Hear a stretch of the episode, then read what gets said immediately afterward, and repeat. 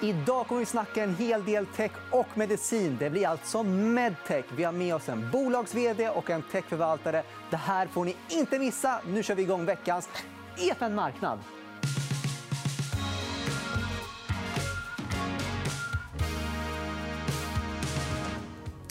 För att prata om medtech och annars tech generellt så har vi med oss Erik Sprinkorn. Varmt välkommen hit. Tack så mycket. Kul att vara här. Ja, det händer alltid mycket sen du är här senast. Och, eh, det här är ett fält som jag vet att Karl, eh, när han var här för ett tag sen pratade en hel del om medtech i början av året och även för några veckor sen. Att mm. hälsovård var ett förlorat år 2020. Mycket, men i år har det varit en liten comeback efter att Absolut. corona har släppt. Och så. Ju, ju, mer pandemin släpper och restriktioner släpper desto bättre kan ju de här bolagen komma ut och, och, träffa sina kunder vilket ofta är väldigt, helt nödvändigt för att de ska kunna sälja sina produkter. Som man tolkar det så är stämningen munter numera i medtech-sektorn. Ja, och ovanpå det så har det... Alltså, det jag tycker vaccinen var en vattendelare. Alltså att på, det tar i snitt historiskt nio år att få fram ett nytt vaccin. Nu tog det nio månader. Det visar liksom kombinationen av datakraft och biologi. Det, det, det kommer hända så mycket spännande i den här sektorn de närmaste tio åren. Ja, och du har några intressanta case eh, på allt detta. Men ett case som vi ska prata om på en gång. Då. Mm. Vi kan ju prata om lite robotkirurgi. Absolut. Och där så... Jag vet inte, visst har vi bara ett större bolag här i, liksom i Sverige som är noterat? Eh, vi har väl två simuleringsrelaterade mjukvaruföretag. Och Mentis, men, men eh, Surgical Science har ju sprungit ifrån dem lite grann. Och Surgical Science det har vi en eh, vd ifrån. Det är Gisli Henermark som är med oss. Gisli, varmt välkommen till EFN Marknad. Tack så mycket, Tack så mycket Adam. Ja, eh, så här, för enkelhetens skull. Robotkirurgi kan ju bara vara lite luddigt att förklara. Kan du bara ge oss en kort hisspitch på vad exakt det är ni gör?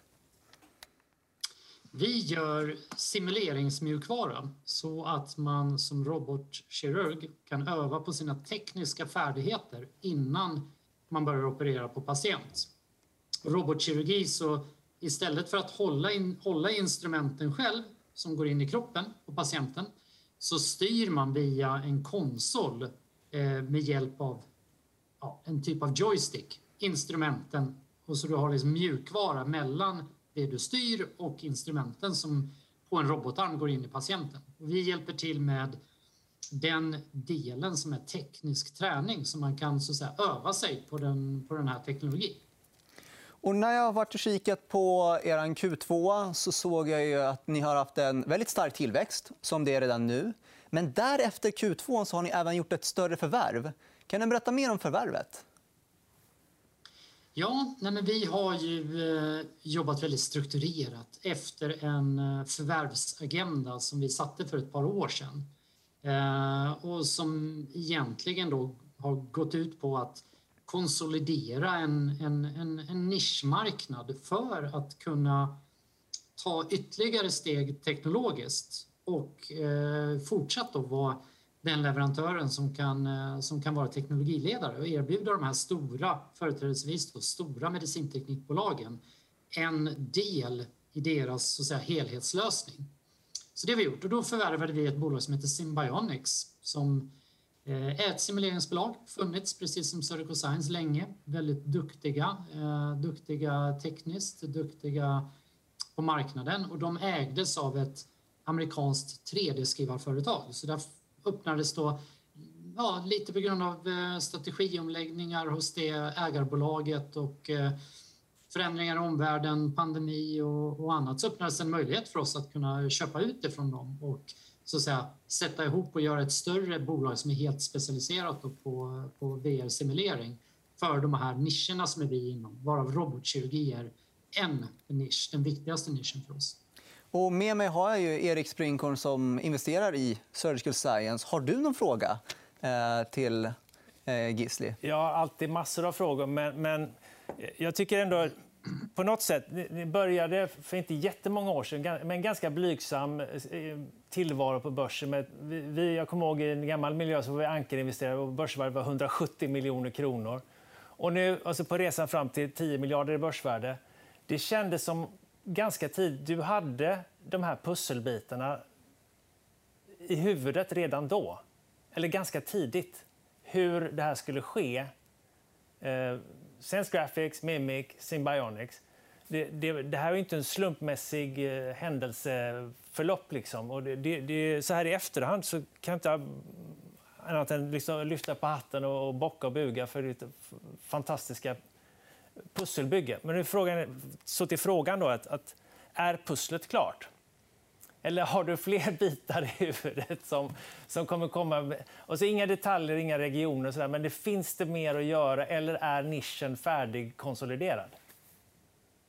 Eh, nej, det finns mer att göra. Eh, och vi har fortsatt klara tankar på vad vi skulle vilja göra. Sen så, så, så beror det också på... Så det finns en tydlig eh, plan framöver. Och sen beror det också lite på eh, så att säga, intilliggande områden som har med simulering att göra och hur de utvecklas och vad man kan göra med dem. Men eh, vi, vi, eh, vi känner oss väldigt nöjda med den, den utveckling vi haft de senaste åren och det har verkligen varit liksom en, en en, en, en, laginsats här. Det, det är verkligen en, en styrelse som 100% har backat en ledning och eh, en ledning som har varit väldigt synkade och jobbat eh, systematiskt. Och, och, och sen gäller det att ha lite tur också att, så att säga, alla eh, allting står rätt så att man kan göra det man vill. Men, men vi, vi, vi har mer att göra, Erik. Mm. Ja, men det är jättekul resa att vara med på, som, även som ägare. Mm. Ja, nej, och det, har haft roligt att ha haft med er. För vi, som sagt vi lärde ju känna varandra redan där under, under IPO. Och sen tycker jag ändå att vi har inte liksom förhävit oss utan vi, vi har kommunicerat tydligt att vi har en plan och jag tror att om man läser det som vi har sagt och, och, och tittar lite i backspegeln så, så ser man också att det, det, är faktiskt precis det som vi har gjort de senaste åren. Exakt det som vi, som vi har sagt om än kanske lite luddiga ordalag emellanåt. Men läser man det sen i efterhand så tror jag att det, det är faktiskt väldigt tydligt precis det vi har gjort. Eh, och om man tar en avslutande fråga. Om vi skulle blicka sig tio år framåt. Eh, det har varit mycket tillväxt för er hittills. Eh, kommer detta att fortsätta långt in i framtiden? Är det lång runway kvar? så att säga?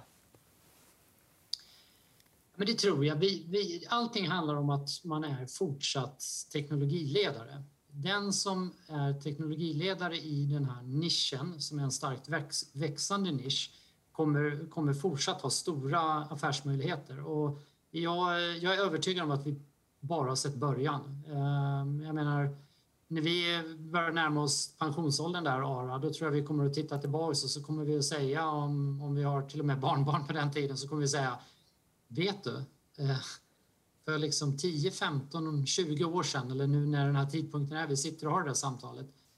Då, på den tiden, så höll kirurgen instrumentet som var inne i kroppen på människor med sina egna händer. Förstår du vad som kunde hända om kirurgen hade en dålig dag eller nös? Eller, det fanns liksom ingen mjukvara. Och här är då Surgical Science leverantör av en mjukvarukomponent som man använder i det här ekosystemet. Och vi är absolut bäst på precis det vi gör. Ja, jätteintressant att se. Vi får ha det där samtalet sen om 20-25 eh, år så får vi se hur det blev. Men eh, jag ställer mig gärna i en framtid där eh, ah, det blir mindre risker när man opererar sig. Absolut. Ja, stort tack för att du var med oss, Gisli. Tack, Gisli. Och, tack så mycket. Lycka till med det här året som är kvar. Ja, tackar för. Ha det bra. Tack, tack. Och Erik. Yes. yes. Robotkirurgi, surgical science. Eh, vad tror du kommer hända under resten av året med ja, allt möjligt som de har där med förvärv och tillväxten? Och de, man, nu har de ju faktiskt en, en, tagit en ganska stor munsbit. Ett, ett bolag som är, har större intäkter än de själva innan och, och som de har förvärvat med, med en eh, högst rimlig utspädning för aktieägarna. Det är klart att man måste komma ihop sig och, och, formera styrkorna, hur man ska göra det. Det, det är organisationspusslet och vem ska göra vad och vem ska fokusera på vilka och hur ska man formera utvecklingsteamen. Vad, vad, vad ska man fokusera? Det, alltid, det handlar ju alltid om prioritering av resurser. Så det, det är säkert ett internt pussel som ska mm. läggas nu. Och, och kopplat då med förhoppningsvis då kommersiell framgång med det erbjudande de har. Jag tror att kunderna har svarat upp mot det här förvärvet väldigt bra också. De vill, klart att de vill ha mer från en och samma.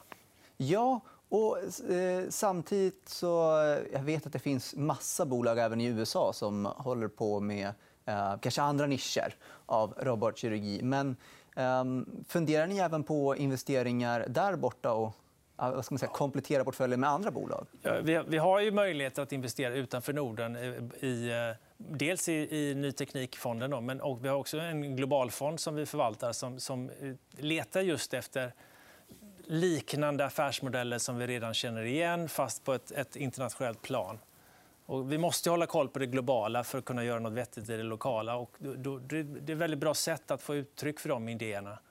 Så, om, man, om, man, tar en generell diskussion, då, mm. om ni, är det en större fördel om bolaget är listat i, Stockholm, eller i Sverige så ni kan besöka och träffa ledningen jämfört med om den är i USA?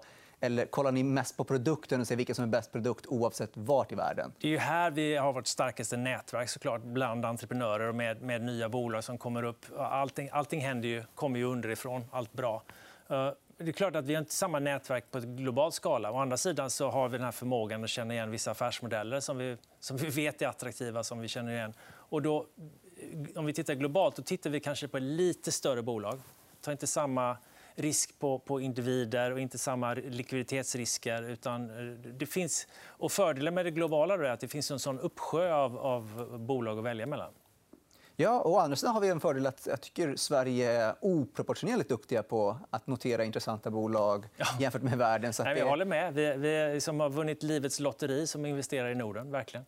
Ja, jag tycker vi gör så här. Vi eh, lämnar Surgical Science för den här gången och går in på ett nytt, ett nytt case för dagen. Det är Biotage ja. som du har med dig. Kan du bara ge en kort hisspitch? Att folk... ja, nej, men Biotage gör ju... Eh Eh, instrument för, för blodanalys och, och, och, annan analys. Och de är precis på samma sätt som många andra nordiska fina nischbolag i, i, inom medtech specifikt. Här då.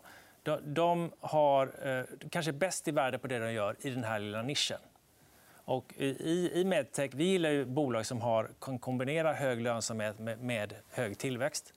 Och, och, sättet man gör det i medtech det, det, det, skiljer sig lite grann från att göra det i mjukvara eller dataspel. Det, det handlar ofta om patent, det handlar ofta om know-how, det handlar ofta om att, att äh, attrahera intresse från så kallade key opinion leaders och de universitetssjukhusen. Och, och så tittar de omkring sig i sina, sina egna branscher och säger att om de använder det så ska jag också använda det.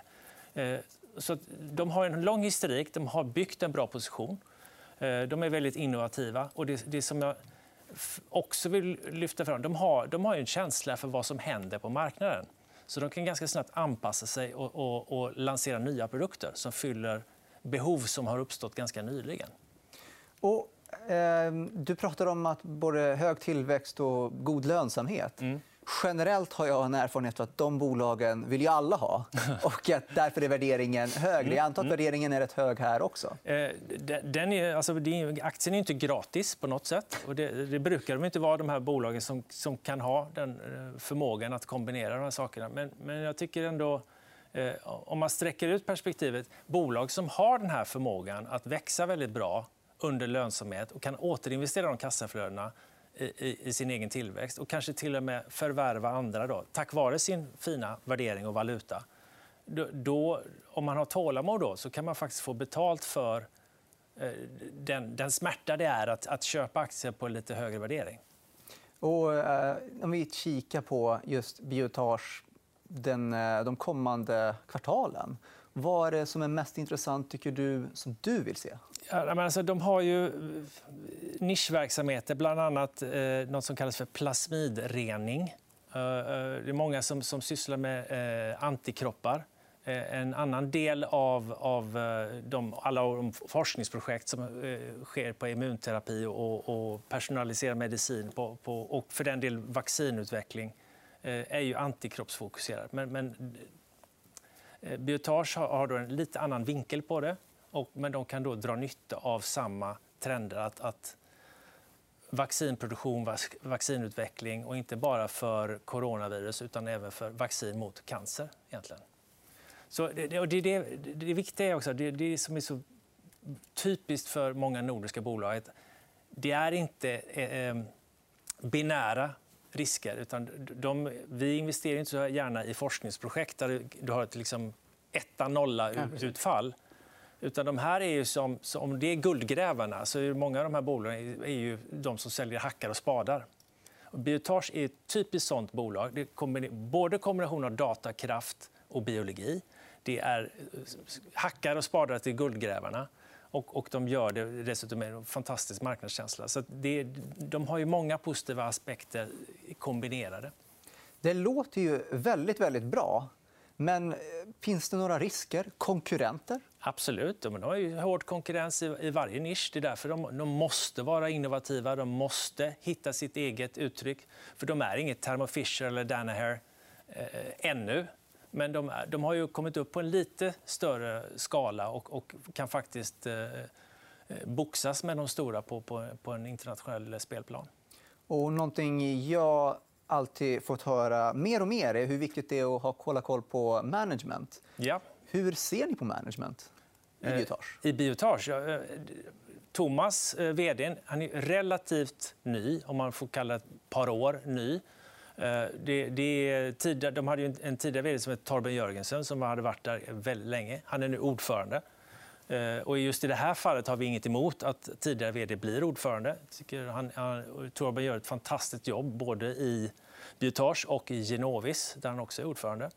Eh, jag tycker Thomas har, har många av de kvaliteter som krävs för att, att, verkligen gå ut på internationell skala. Det är någonting han har gjort i 20 års tid i andra bolag tidigare. Så att, eh, där, eh, vi, vi, har inte träffats jättemånga gånger, men, men vi har väldigt, fått ett väldigt bra intryck av ledningen. Sen eh, har de nyligen bytt eh, finanschef, CFO. Och vi har inte träffat eh, Maja ännu, men vi ser fram emot att göra det här under hösten. förhoppningsvis. Ja, Absolut. Jag vet vad jag kom bara på. Den som pratade senast om management här, det var ju din kollega Karl. Ja. som eh, poängterade hur viktigt det är. Ja, men det är superviktigt. Och inte bara ledning eh, utan, och, och individer utan bredden och strukturen på, på ledningsgruppen. Om det finns en bra bänk under om eller om man är hysteriskt beroende av, av ett fåtal personer. Men också styrelsens kvalitet. Och, och där ser vi väl ofta att, att Styrelsen må vara bra på pappret, men varför äger så få styrelseledamöter aktier? Det är frapperande ofta att vissa styrelseledamöter som har noll aktier. Oj, ja. Ett bra rättesnöre är väl att man har tre till fem gånger det årliga styrelsearvodet i aktier i, i det bolaget där man satt att, att, att vårda. Ja, men det, det, är väl generellt också även med all typ av ledning, vd och andra. Har de inte aktier så bör man undrar varför. Pilotskolan. Och, och ja. Men det, det, jag tycker den principen bör man sträcka ut även till styrelsen. Intressant. Om vi eh, byter case till ett mm. annat som faktiskt inte är renodlat medtech, mm. ganska mycket. Eh, VNV Global, tidigare Vostok New Ventures. Ja.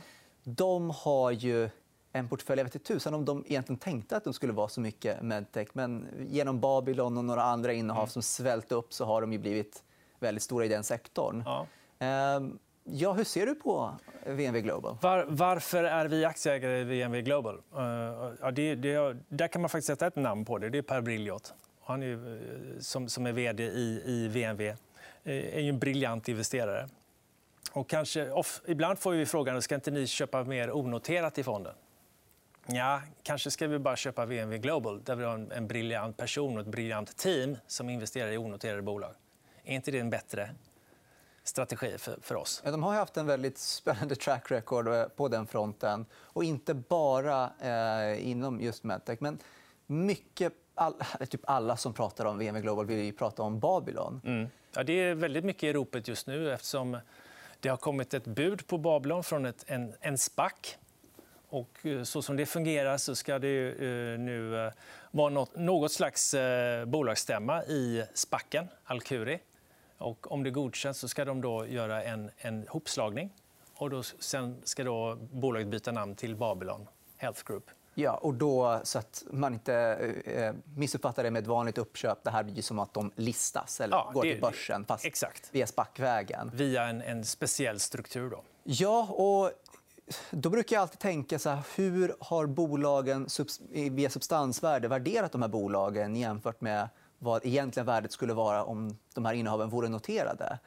Tror du att VNV Global har ett högre substansvärde om innehaven hade varit noterade som Babylon eventuellt blir? Eller? Ja, det är svårt att säga. De, de gör ju en... en eh, de, de hanterar inte, deras substans är inte vad de har köpt in sig för. Utan där gör man ju en, eh, ofta en, en mark-to-mark. Eh, alltså sätter upp eller sätter ner värdet beroende på framförallt and, andra transaktioner eller nya transaktioner i bolagen. Men också, det finns olika värderingsmått som man använder sig av i den onoterade världen. Och man kan vara mer eller mindre konservativ eller Absolut. optimistisk. Och, och, eh, jag tycker väl att de har haft en hög grad av rimlighet.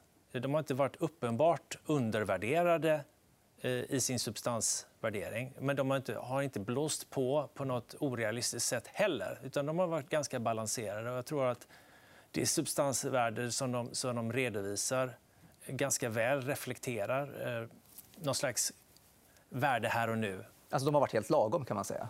Ja, lagom ja. Lukewarm. Ja. Ja, okay. Ljummet vatten. Eh, och förutom det så har de ju Voi.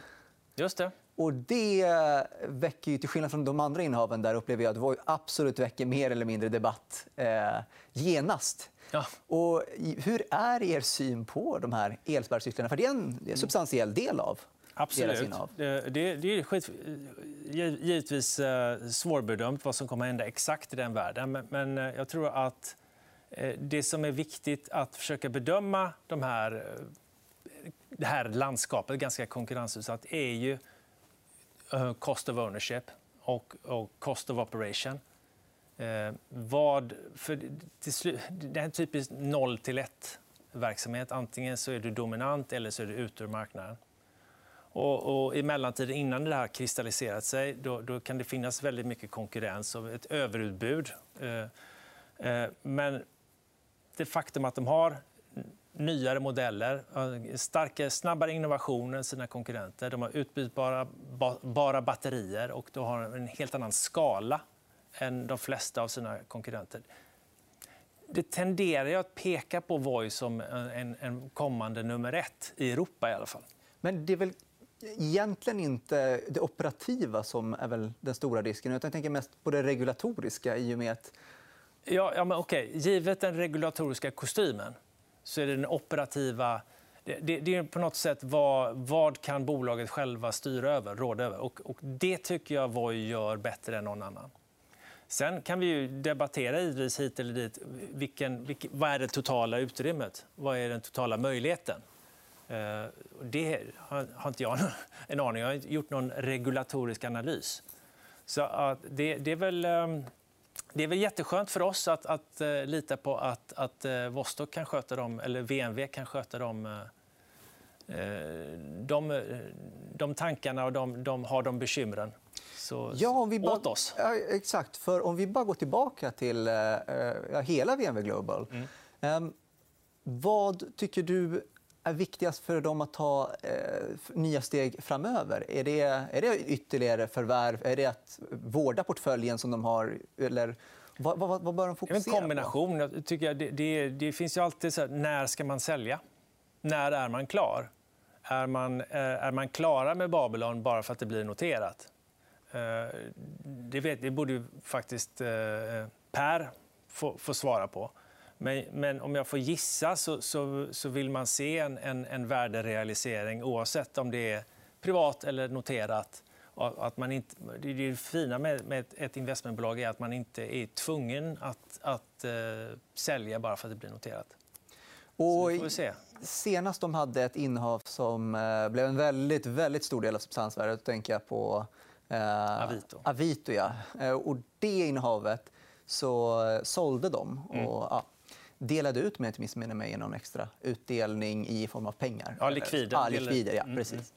Och är det någonting du hade velat se med Babylon på sikt eller hade du gärna behållit det i portföljen och var med på hela resan? Eller hur skulle du föredra? Alltså, bolag som, som har, eh, eh väldigt, är väldigt kassagenererande så, så börjar frågan om utdelning komma upp. Och då, då, rent generellt så om du kan, om du kan investera, återinvestera de där pengarna så är det bättre att du gör det än att du ger oss utdelning.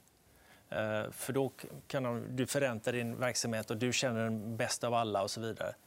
Men med det sagt så det finns det ett case för, även för utdelningar. För det, det är en väldigt eh, så här, förtroendeingivande signal att, att ja, mitt kassaflöde kommer att vara minst X. Så då kan jag dela ut så och så mycket per aktie.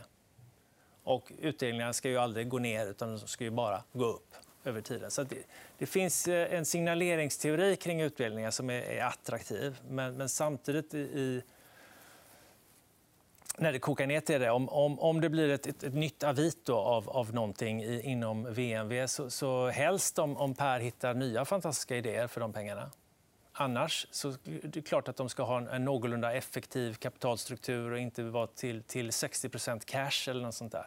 Nej, precis. Det, eh, det vill man ju inte investera i bara cash. Men eh, om vi gör en eh, avslutning på medtech-sektorn. Mm. Vad tror du generellt kommer att vara det mest spännande kommande åren inom detta fält? Nej, men jag, ty jag tycker ju, alltså man ska hålla koll på när bolag som kan utnyttja kombinationen av, av datakraft och biologi. Det låter kanske flummigt, men, men tänk vaccinen. Att, att det faktiskt, istället för att eh, bonka på olika virusar i, labbmiljö så kunde man faktiskt eh, undersöka genomet och sen med med maskininlärning faktiskt räkna ut hur vaccinet skulle se ut. Och sedan odlar man inte viruset i ägg, utan man printar det mer eller mindre. Eh, som någon slags analogi. Och bolag som kan dra nytta av de här nya teknikerna de är ju väldigt intressanta. Och en av dem var Biotage. Ja, och, och, och, bolag som hjälper eh, näringslivet och, och forskare att, att, göra det här. Och hjälper forskningsbolag att komma fram till nya innovationer på ett bättre sätt. Och sen kanske också är med i produktionen. Den typen av affärsmodeller som är lite grann hackar och spadar eh, de tror jag kommer att vara väldigt värdefulla. Ja, men med de orden får vi avsluta denna EFN Marknad. Vi är tillbaka redan på onsdag 11.45. Missa inte oss då. På återseende.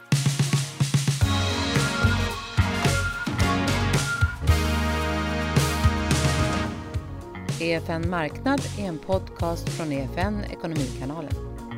Ansvarig utgivare är Anna Fagerström. EFN finns även som app. Där hittar du alla våra videoinslag som hjälper dig att göra det bästa av din ekonomi. Du hittar appen i App Store och Google Play.